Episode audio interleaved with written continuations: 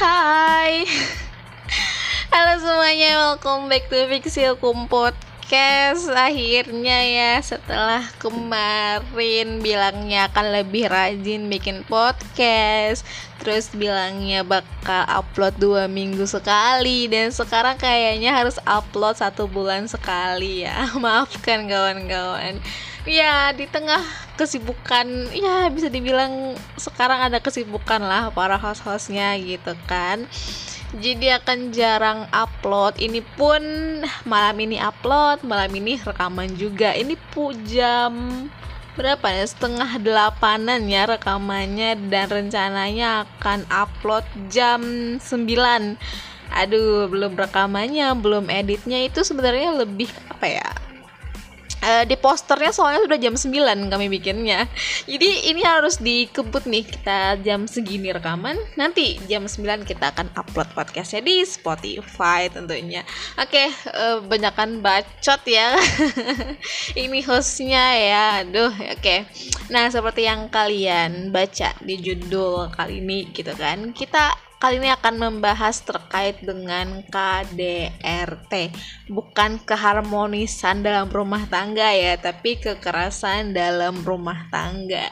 Yang mana beberapa waktu ini kita ketahui uh, ada uh, seorang pasangan selebritis yang istilahnya kalau di depan kamera tuh mereka ya ampun romantisnya iri gitu ya. Tapi eh, beberapa waktu yang lalu ini si is sang istri melaporkan suaminya berkaitan dengan KDRT. Wah, langsung heboh dong apalagi ibu-ibu yang banyak mengidolakan selebriti ini. Tentu saja kalian pasti tahu lah. Mereka banyak mendukung tentunya dan uh, kayak kasihan gitu mungkin dan uh, gimana ya? Respect gitu loh dengan keberanian dari korban itu sendiri untuk melaporkan suaminya terkait dengan KDRT seperti itu. Dan tentu saja buat aku sendiri sebenarnya yang bukan penggemar bukan. Orang yang menyukai dia juga biasa aja sebenarnya gitu loh. Juga terkejut dong gitu loh. Di mana e, ternyata sesuatu yang di depan kamera itu bisa berbeda dengan yang di belakang atau sungguh yang terjadi. Seperti itu. Nah Ya meskipun pada akhirnya beberapa waktu atau beberapa hari yang lalu uh, meskipun si pelaku telah menjadi tersangka tapi karena dari korban sendiri ini mencabut laporannya maka uh, bisa dibilang ini ya bukan bisa dibilang lagi emang udah bebas ya pelakunya seperti itu. Seperti itu. Nah nah kita akan membahas terkait masalah itu pada hari ini. Yang mana uh, sebenarnya kak dari kami sendiri mau membahas terkait dengan KDRT selebriti ini ya. Itu setidaknya uh, pelaku menjadi tersangka atau terdakwa. Ya kawan-kawan. Misalnya tersangka itu sudah ada bukti permulaan bahwa dia memang melakukan suatu tindak pidana tersebut itu. Gitu. Tapi ternyata setelah ditetapkan sebagai tersangka keesokan harinya kalau nggak salah ya si korban mencabut laporan pada polisi gitu. Dan keesokan harinya me, uh, si pelaku dibebaskan dari penjara ya. Kalau tidak salah seperti itu. Oke. Okay. napas sebentar kawan-kawan karena sudah lama tidak rekaman ini harus nak ngatur napasnya sendiri. Dan um, kita langsung aja masuk ke pembahasan gitu ya.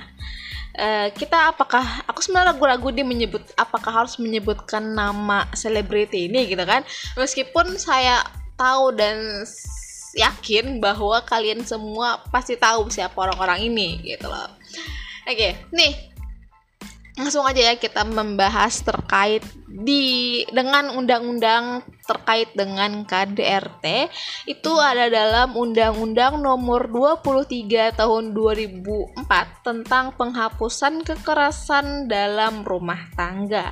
Yang mana saat itu seandainya seandainya lagi sih si pelaku ini itu kemarin diancam mendapat hukuman 5 tahun penjara dan denda 15 juta. Itu berdasarkan dalam pasal 44 Undang-Undang Nomor 23 Tahun 2004 tadi. Dan dalam undang-undang ini terdapat empat hal yang berkaitan dengan KDRT. Yang pertama itu adalah kekerasan fisik, yaitu perbuatan yang mengakibatkan rasa sakit, jatuh sakit, atau luka berat. Yang kedua adalah kekerasan psikis, yaitu perbuatan yang mengakibatkan ketakutan, rasa tidak berdaya, hilangnya rasa percaya diri, atau kemampuan untuk bertindak, atau penderitaan psikis berat pada seseorang.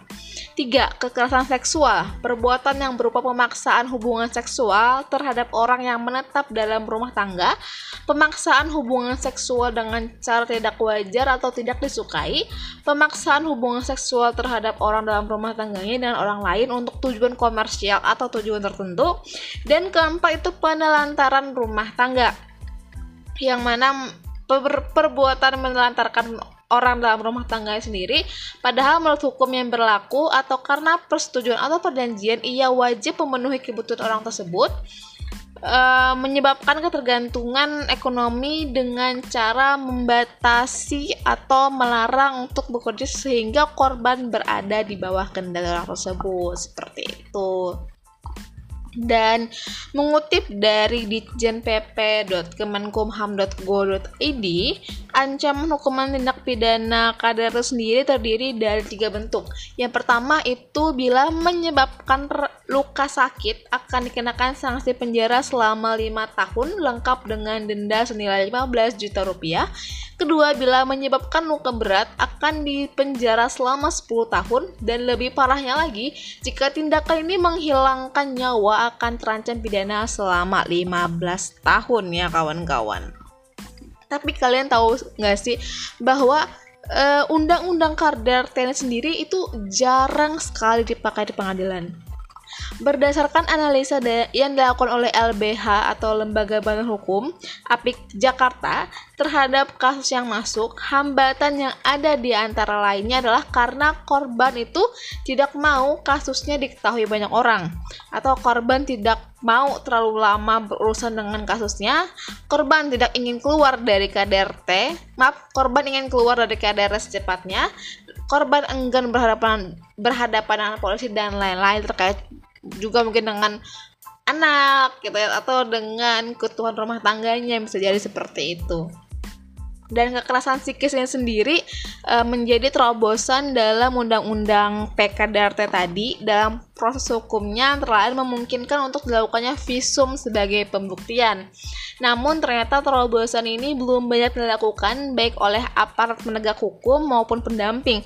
Hal ini dikarenakan masih sedikitnya ahli psikologi atau psikiater yang mempunyai pemahaman tentang konteks KDRT sendiri. Dan ini menjadi mungkin menjadi pertanyaan kalian juga masyarakat masyarakat masyarakat awam hukum kenapa sih nih ya kan pelaku yang bahkan sudah ditetapkan sebagai tersangka yang seperti aku bilang tadi uh, telah ada bukti permulaan yang cukup untuk membuktikan pelaku ini bersalah gitu bisa bebas karena korban korban itu mencabut laporan Oke, nih dalam huk dalam hukum acara pidana itu terdapat e, nama delik.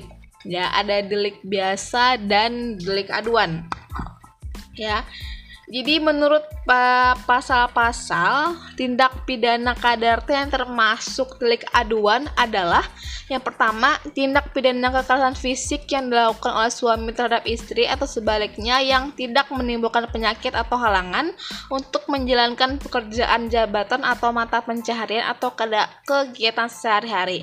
Dua, tindak pidana kekerasan psikis yang dilakukan oleh suami terhadap istri atau sebaliknya yang tidak menimbulkan penyakit atau halangan untuk menjalankan pekerjaan jabatan atau mata pencaharian atau kegiatan sehari-hari. Ketiga, tindak pidana kekerasan seksual berupa pemaksaan hubungan seksual yang dilakukan oleh suami terhadap istri atau sebaliknya. Itu yang berkaitan dengan delik uh, aduan. Selain ketiga tersebut, tindak KDRT lain itu termasuk dalam delik biasa yang mana artinya polisi tetap dapat melakukan penyidikan dan penuntutan terhadap tindak terhadap pelaku tindak pidana KDRT yang terjadi walaupun tidak ada aduan dari korban ataupun laporan yang dicabut. Seperti itu. Jadi uh, kenapa si pelaku ini bisa bebas karena uh, korban mencepat laporan karena untuk kasus ini sendiri itu KDRT yang termasuk dalam uh, delik aduan seperti itu kawan-kawan. Nah, kenapa tuh si pelaku bisa bebas? Bikin informasi buat kalian juga ya. Dan itu saja sih yang mau aku sampaikan apalagi yang mau aku sampaikan ya kawan-kawan gini kawan-kawan. Mungkin sesuatu yang dapat kita ambil dari sini ya. Tentu saja aku sendiri yang sebenarnya biasa-biasa aja. Tapi tentu tapi saat mendengar kasus ini KDRT menarik perhatian dari aku juga sebagai perempuan itu yang mana kagum dengan apa yang ia lakukan ya kan? Karena ini loh uh, selebriti itu adalah seseorang yang bisa menarik penggemarnya untuk melakukan sesuatu, entah itu positif atau negatif. Ya, dengan kejadian melaporkan KDRT yang dialami oleh ia sendiri, gitu kan, menjadi salah satu sisi positif keberadaan selebriti itu sendiri. Dia menjadi pelopor kalau bisa dibilang kita ya e, untuk para perempuan di luar sana yang sedang berjuang terlepas dari kekerasan yang ia alami oleh pasangan atau orang terdekatnya. Dan memang sih tidak bisa kita pungkiri bahwa memaafkan pelaku itu adalah hak dari korban, ya kan? Tapi seperti yang aku sebutkan tadi, karena korban atau beliau ini adalah seorang selebriti yang menjadi panutan orang-orang, khususnya bagi orang yang mengidolakannya gitu kan. Jangan sampai uh, ini menjadi contoh yang negatif ya kan? Karena mencabut laporan dan memaafkan pelaku dengan mungkin alasan yang sudah dah diberitakan gitu kan e, menjadi dampak negatif kepada perempuan-perempuan di luar sana yang sedang berjuang lepas dari kekerasan yang ia alami. Jadi kalian para perempuan di luar sana yang menjadi korban kekerasan seksual ataupun kekerasan apa pun laporkan. Jangan pernah malu atau jangan pernah takut dengan alasan apa pun bahkan untuk anak maupun dengan alasan keutuhan rumah tangga. Menurut menurut aku sendiri mungkin aku memang belum punya anak gitu kan ya. Cuman aku ada setuju mungkin dengan salah satu pendapat dari selebriti yang lain mengatakan bahwa e, jangan pernah e, beralasan dengan anak. Anak itu sendiri pun pasti bakal suatu saat nanti ya kan pasti bakal memahami alasan dari orang tuanya melakukan hal tersebut. Tidak mungkin anak ini akan menjadi anak selamanya. Bahkan menurut aku sendiri gitu kan. Misalkan aku nih sebagai anaknya aku bahkan just, justru lebih kecewa gitu dengan uh, apa yang dilakukan keputusan apa yang dilakukan oleh orang tuaku. Kenapa tidak dilanjutkan seperti atau kenapa tidak dilaporkan seperti itu. Dan aku ada e, semenjak pemberitaan ini kan banyak juga orang-orang berpendapat gitu. Salah satunya adalah korban KDRT ini memang tidak semudah itu untuk lepas dari jeratan pelaku gitu loh. Yang mana pelaku ini bisa memanipulasi korban yang mana kamu kalau nggak sama aku siapa yang mau sama kamu? Istilah seperti itu. Atau siapa sih yang mau nerima kamu selain aku? Seperti itu. Bisa kayak gitu kawan-kawan. Kalau nggak salah korban ini baru dapat terlepas dari jeratan pelaku itu mereka harus mencoba kabur mereka harus mencoba memutus tali itu sekitar 5 sampai 6 kali. Bah tapi percobaan 5 sampai 6 kali ini tidak menjamin apakah kalian masih bisa hidup. Maaf kawan, maaf itu kan. Jangan sampai uh, percobaan kita kita menunggu percobaan kelima ke enam ini kita udah nggak ada nyawanya lagi di tengah jalan gitu loh saat kita masih berusaha dan tentu saja ini adalah menjadi peran masyarakat ataupun keluarga terdekat untuk mendukung korban melaporkan pelaku. Tidak ada satu alasan pun yang membenarkan tentang kekerasan gak ada. Apa pun itu. Hilaf, makan tuh hilaf. Aduh, aku sampai dengan uh, kekerasan itu karena hilaf Oke, okay, aku udah muak dengan kata hilaf ini ya kan, ya kan? Maksudnya kekerasan yang ia lakukan dengan alasan hilaf itu oke okay, aku nggak bisa berkata-kata lagi ya dan aku Laili di sini juga tidak maksud menjudge uh, secara personalnya dia gitu kan uh, itu seperti yang aku bilang tadi mencabut laporan itu adalah hak dari korban karena seperti yang kita ketahui yang sudah aku jelaskan tadi bahwa ini adalah delik aduan. Itu terserah dari korbannya bagaimana kelanjutannya. Kalau dia memaafkan ya silahkan. Karena kita juga tidak tahu bagaimana sih permasalahan yang sebenarnya terjadi di antara mereka gitu. Tapi jangan sampai hal ini menjadi menjadikan kalian gitu menjadi acuh terhadap korban-korban lain yang benar-benar membutuhkan bantuan kita semua. Tidak ada kata, ini sering banget mungkin diucapkan ya. Ini masalah keluarga, saya tidak bisa ikut campur. Tidak ada kata, tidak ada kalimat seperti itu kawan-kawan. Ditegaskan dalam pasal 15 Undang-Undang KDRT ini mengenai kewajiban setiap orang yang mendengar, melihat, atau mengetahui terjadinya kekerasan dalam rumah tangga wajib melakukan upaya-upaya sesuai dengan batas kemampuannya untuk A. Mencegah berlangsungnya tindak pidana tindak pidana, B. memberikan perlindungan kepada korban, C. memberikan pertolongan darurat, dan D. membantu proses pengajuan permohonan penetapan perlindungan. Itu adalah tugas kita semua kawan-kawan. Tidak ada masalah rumah tangga-rumah tanggaan mungkin di masyarakat juga takut gitu kan takut nanti dia apa-apain juga oleh pelakunya oke okay kawan-kawan.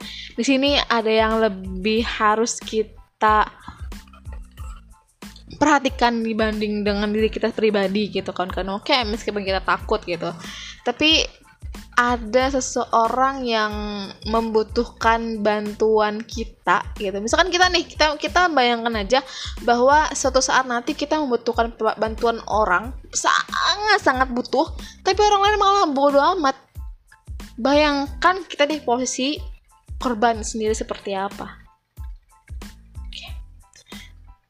tapi bukan berarti aku meng ini ya Laili mendoakan kalian akan seperti itu tidak maksud seperti itu kawan-kawan ya. Itulah tadi mungkin yang mau Laili bahas pada podcast sebulan sekali ini. Bagi kalian mungkin yang kangen dengar dengan suara Laili mohon maaf sebelumnya kawan-kawannya karena memang ada beberapa kesibukan yang harus uh, kami jalani uh, ya kan dari Laili ataupun Rika. Jadi kami harus upload sebulan sekali itu pun itu pun ya mepet-mepetan lah gitu kawan-kawan kami mohon maaf juga tidak bisa menepati janji kami ataupun omongan kami sendiri yang akan lebih aktif di tahun 2022 ini ya. Ya usia 2 tahun ini emang sedang rawan-rawannya kan kawannya tentu saja kami membutuhkan doa dari kalian. Semoga podcast fiksi hukum dapat terus jalan ya oke Laili izin pamit mohon maaf sebesar-besarnya apabila selama atau apa pun yang Lali sampaikan tadi menyinggung kalian ataupun membuat kalian sakit hati ataupun seperti apa Lali mohon maaf yang sebesar-besarnya. Yang mau Lali sampaikan adalah terus dukung perempuan perempuan di luar sana yang sedang membutuhkan bantuan kita. Lali pamit sampai jumpa. Bye